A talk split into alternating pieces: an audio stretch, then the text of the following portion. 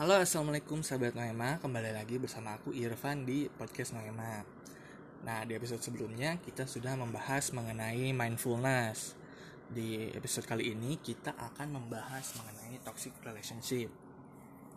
Nah berbeda dengan episode sebelumnya Episode kali ini kita akan ada dua segmen. Segmen pertama aku akan menjelaskan mengenai toxic relationship dari pengertian, eh, dampak, ciri-ciri, dan juga bagaimana cara menghindari toxic relationship. Lalu segmen kedua itu akan ada sharing dari Tata dengan narasumber yang mau berbagi kisahnya uh, dalam uh, apa menjalani toxic relationship.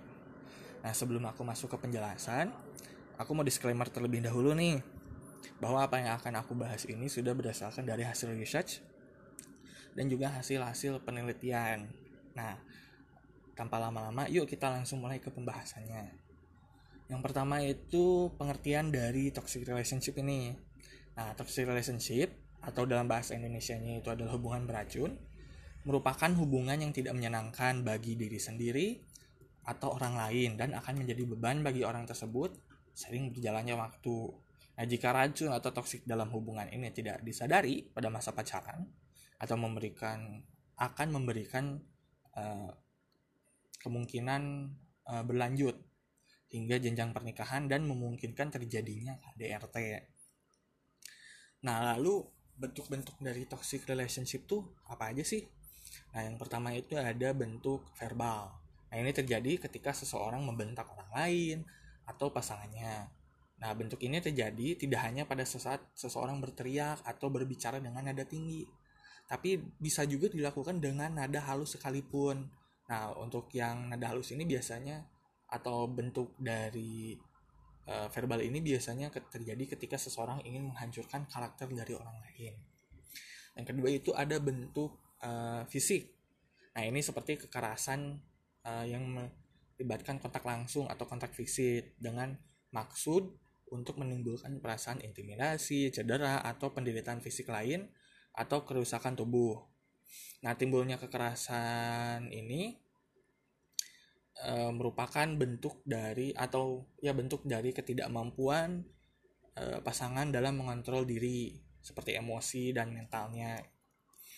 Nah, next ada dalam bentuk seksual. Nah, dalam ini wujudnya itu paksaan dalam melakukan hubungan seksual terhadap orang yang tinggal di dalam uh, lingkupnya, baik itu rumah tangga atau mempunyai hubungan khusus lainnya dengan tujuan yang menguntungkan.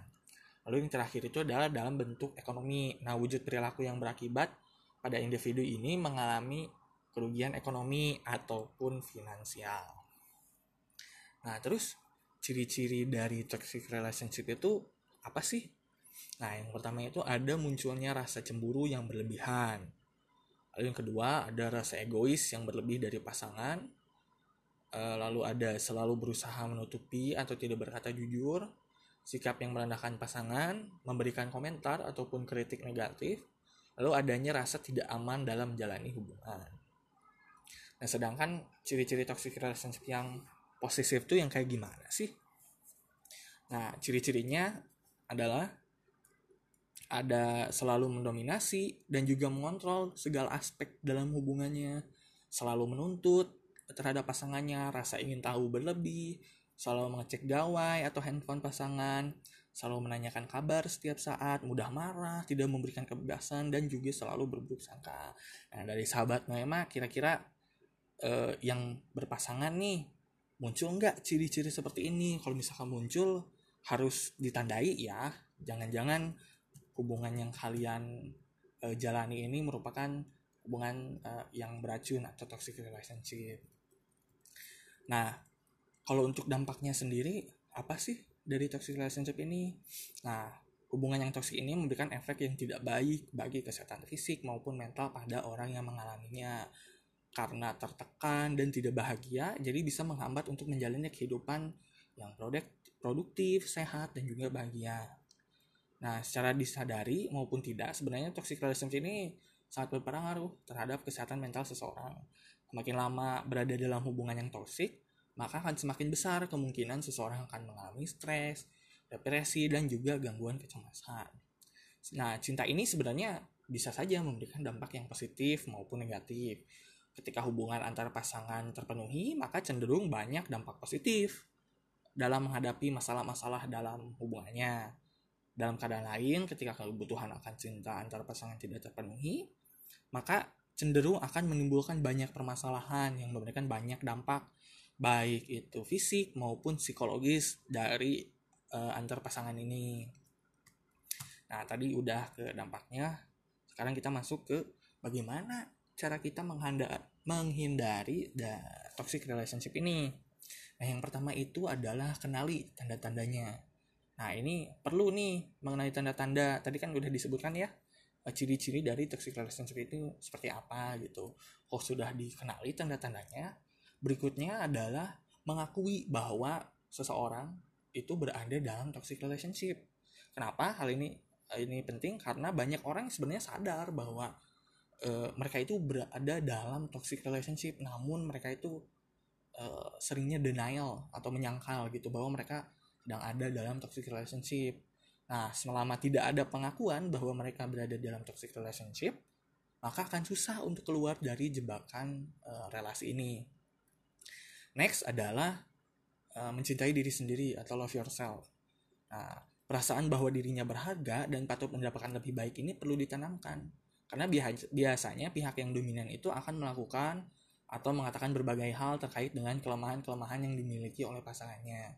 Oleh karena itu, kekuatan kekuatan untuk bisa lepas dari hubungan tidak sehat ini adalah menghargai diri sendiri terlebih dahulu. Nah, e, hal ini juga bisa dibantu dengan e, oleh tenaga-tenaga profesional seperti psikolog untuk menemukan dan Eh, mempercayai kekuatan bahwa hidup ini bisa dijalani secara mandiri atau juga bisa dengan membaca kisah-kisah dari mereka-mereka yang bisa survive dari toxic relationship ini. Nah, yang terakhir ini membangun hubungan yang sehat. Nah, ketika pertama kali menjalin hubungan, perlu diingat bahwa hubungan sehat itu harus dibangun. Hubungan yang sehat itu yang seperti apa sih? Nah, hubungan yang saling mendukung, saling menyayangi, dan juga saling menguatkan dengan demikian agar tidak terjemurus, terjerumus, maaf, terjerumus di toxic relationship, lebih baik diamati terlebih dahulu sebelum menjalani hubungan yang lebih serius. Mengamati bagaimana reaksi pasangan ketika menghadapi konflik atau situasi. Nah, apakah ada keinginan untuk meminta pendapat, menghargai perasaan, atau justru cenderung malah saling menyalahkan dan langsung mengambil keputusan tanpa mempedulikan diri, eh, tanpa mempedulikan uh, hal lain. Nah, bila pola reaksi respon yang sama ditunjukkan berulang-ulang, lebih baik segera menjaga jarak daripada resiko terjebak di dalam toxic relationship yang lebih serius. Nah, kira-kira itulah uh, sedikit pembahasan mengenai toxic relationship. Nah, next ini bakal ada sharing dari Tata uh, mengenai uh, pengalaman narasumber yang uh, pernah menjalani toxic relationship. Yuk, kita dengerin aja. Nah, Sahabat Noema, di podcast episode 3 ini kita membahas tentang toxic relationship. Nah, kebetulan di episode kali ini kita kita berkesempatan untuk mengundang narasumber nih. Nah, narasumber kita kali ini adalah seorang yang pernah mengalami toxic relationship. Mungkin kita coba sapa dulu aja kali ya. Hai Kak. Halo, halo. Gimana kabarnya? hari ini? Baik, baik. Baik ya. Kita udah lama ya Kak nggak ngobrol-ngobrol. Iya nih. Makasih loh Kak udah mau jadi narasumber di podcast Noema.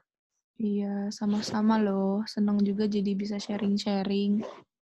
Uh, mungkin uh, bisa langsung diceritain aja kali ya kayak ya, pengalaman waktu ada di toxic relationship waktu itu seperti apa? Boleh, boleh, boleh. Jadi ini tuh kejadiannya pas pertama kali aku pacaran. Mm -mm. Yang pacaran yang serius gitu ya. Ya, yeah, oke. Okay. Um, awalnya sih pas pacaran ini itu semuanya ya baik-baik aja. Lancar-lancar aja, nggak ada masalah apa pun. Karena emang satu circle juga kan, jadi kalau main ya bareng, kalau apa ya bareng gitu kan. Nah, tapi makin ke sini tuh makin uh, berubah gitu. Okay. Makin apa ya? Kayak dia yang ngelarang-ngelarang aku buat main Hmm. sama temen cowok maupun cewek gitu sampai segitunya gitu sebaliknya juga gitu jadinya aku ikutan ngelarang-larang dia main sama temen cewek dan cowoknya gitu kan Mm-mm. karena sering larang-larang gitu eh jadinya tuh sering bohong juga gitu loh yang bilangnya enggak kok aku di rumah padahal lagi main Oh, Oke. terus gara-gara itu tuh jadi apa ya eh, mungkin jadi ada trust issue kali ya jadi misalnya aku lagi di sini nih mana coba lihat foto gitu Oh, Oke. Mm-mm. Jadi kayak gitu ya. iya jadi tuh saling nggak percaya suka bohong gitu kan Mm. dari suka bohong itu tuh ternyata si mantanku ini tuh ketahuan selingkuh Oke. nah yang ketahuan selingkuh pertama itu kan aku sayang ya kan aku Mm. sayang terus kayak ya udahlah mungkin emang masih bisa dibenerin jadinya aku maafin pas itu aku maafin udah tuh habis aku maafin masih tetap pacaran tapi makin malah makin gak bener gitu loh Oh. pacarannya makin sering bohong terus sampai ternyata ini dia ketahuan selingkuh lagi gitu Mm. dan em, kan nih selingkuh pertama tuh ketahuannya lewat chat kan jadi aku Mm-mm. kayak melihat di handphonenya aku tanyain langsung dia kayak iya sorry gitu kan Mm-mm. yang kedua ini tuh ketahuannya tuh dari temennya jadi temennya tuh ngeliat dia di mall gitu lagi jalan sama cewek ya kan Oh. temen yang ngasih tau ke aku akunya minta ketemu dong ayo kita ketemu gitu kan Mm-mm. Kira ketemu, kita ngobrol di mobil, aku langsung tanya nih, lo selingkuh ya gitu. Mm-mm. Terus eh, dia yang kayak jawabnya tuh pakai nada tinggi, Mm-mm. yang kayak marah kayak enggak apaan sih lo gitu. Mm. Nah pas saat itu juga dia langsung fisik, dia langsung main fisik. Oh. Hmm, dia mukul lah, Mm-mm. up, cubit lah, gitu-gitu, jambak, gitu. Nah, kalau aku boleh tahu nih, Kak, eh, mulai ke mulai ketahuan toksiknya itu tuh semenjak eh, apa ya, tahun pertama pacaran atau beberapa tahun belakangan? Karena kan Kakak di awal bilang eh, awalnya baik-baik aja sampai akhirnya jadi mulai larang-larang. Nah, itu tuh udah masuk di tahun keberapa tuh, Kak, kalau aku boleh tahu? Kalau uh, seinget aku itu di tahun kedua, pertengahan tahun kedua pacaran tuh udah agak-agak mulai yang larang-larang itu tadi. Kakak bertahan berapa lama itu hubungannya? Toksik kayak Eh, gitu. Pacarannya itu kita lima tahun. Oh, lima tahun ya. Hmm. Berarti dari tahun kedua, berarti kalau dari tahun kedua tiga tahun ya ngerasain Iya. toxic. Kak, kalau aku boleh tahu apa sih alasannya? Maksudnya kayak kenapa kakak bisa eh, stay di dalam toxic relationship itu gitu? Padahal kayak kakak sendiri juga udah tahu kan kalau sebenarnya ini tuh toxic gitu. Cuman kenapa kayak masih bertahan sampai selama itu gitu? Mungkin karena sayang kali ya. Klise banget tapi ya begitu adanya. Hmm. Susah sih yang maksudnya eh, yang aku dengar dari orang-orang tuh keluar dari toxic relationship tuh emang nggak mudah gitu loh. Iya, benar setuju Uh-uh. banget. Berarti hmm, kakak eh, mendefinisikan toxic relationship itu lebih luas ya. Maksudnya sesimpel ngelarang, terus yang kayak jadi nggak percaya satu sama lain, nggak bisa menjadi diri sendiri satu sama lain, Mm-mm. itu udah udah termasuk toxic ya menurut kakak ya. Iya. Tapi ada nggak sih kak kayak misalkan eh kan tadi kakak sempat mention ke, eh, kekerasan fisik ya. Mm-mm. Ada nggak sih yang kayak misalkan verbalnya gitu kak, yang kayak dikata-katain atau gimana gitu ada nggak kak? Oh ada banget, itu ada banget. Semua kata binatang keluar. Setiap berantem tuh berarti ya Iya, selama tiga tahun. iya.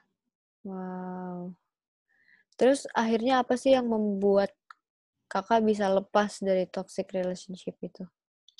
Nah itu tuh sebenarnya em, aku udah sadar kan. Mm-mm. Pas mau putus aku udah sadar kayak aduh ini emang udah nggak benar. Aku harus keluar dari hubungan ini gitu kan. Terus em, aku akhirnya ngobrol sama mantanku ini.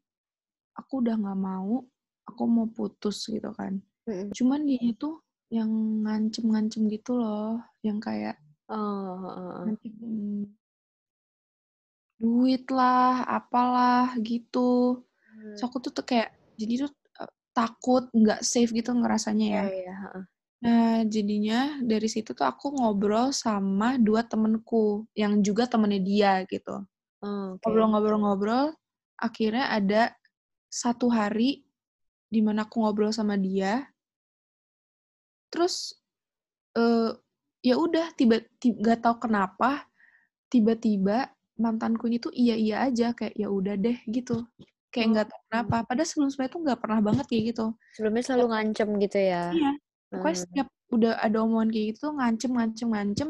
Tapi hari itu doang tuh dia kayak ya udah deh putus. Gitu. Hmm.